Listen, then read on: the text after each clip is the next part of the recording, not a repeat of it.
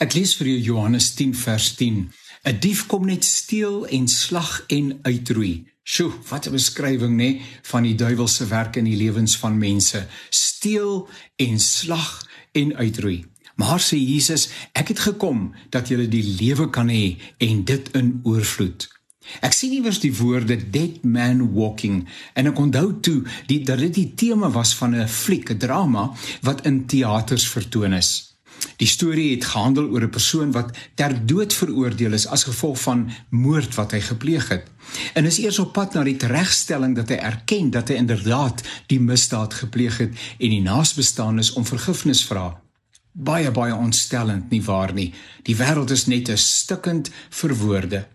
Maar die tema van die film, die tema van die woorde dan nou wat ek ook hoor, dit laat my dink. Van hoeveel mense op aarde is dit 'n goeie beskrywing? Want die doodsheid hang soos 'n halssnoer om die nek. Die persoon lewe nie, bestaan net. Maar bestaan is nie lewe nie.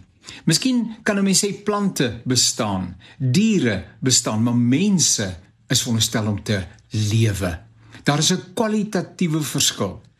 Daar kan sprake wees van 'n voor Christus bestaan, maar na Christus moet dit lewe wees.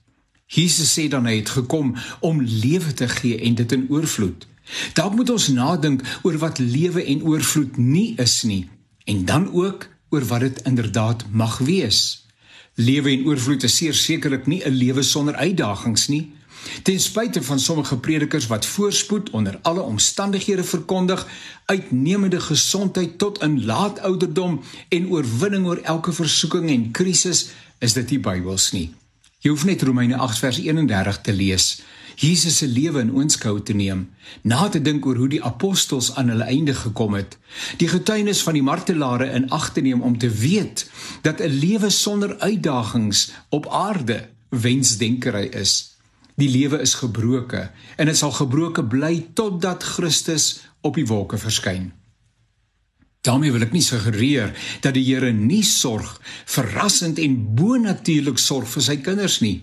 'n Mens is diep dankbaar vir die onverdiende genade in 'n wêreld wat deur hongersnood en ergernis gekenmerk word. Ons geseënde staat is boonop met die oog op die wêreld en sy nood. Ons mag voorspoed nie selfsugtig toe toe eien as net ons eie nie. Lewe en oorvloed verwys sekerlik na 'n diep gesetelde vrede.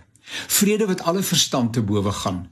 Dit is die woorde van daai baie bekende lied. Dit is wel, dit is wel met my siel.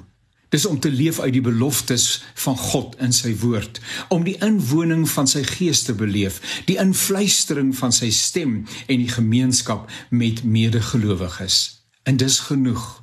Wie dit beleef, lewe en oorvloed het niks meer nodig nie.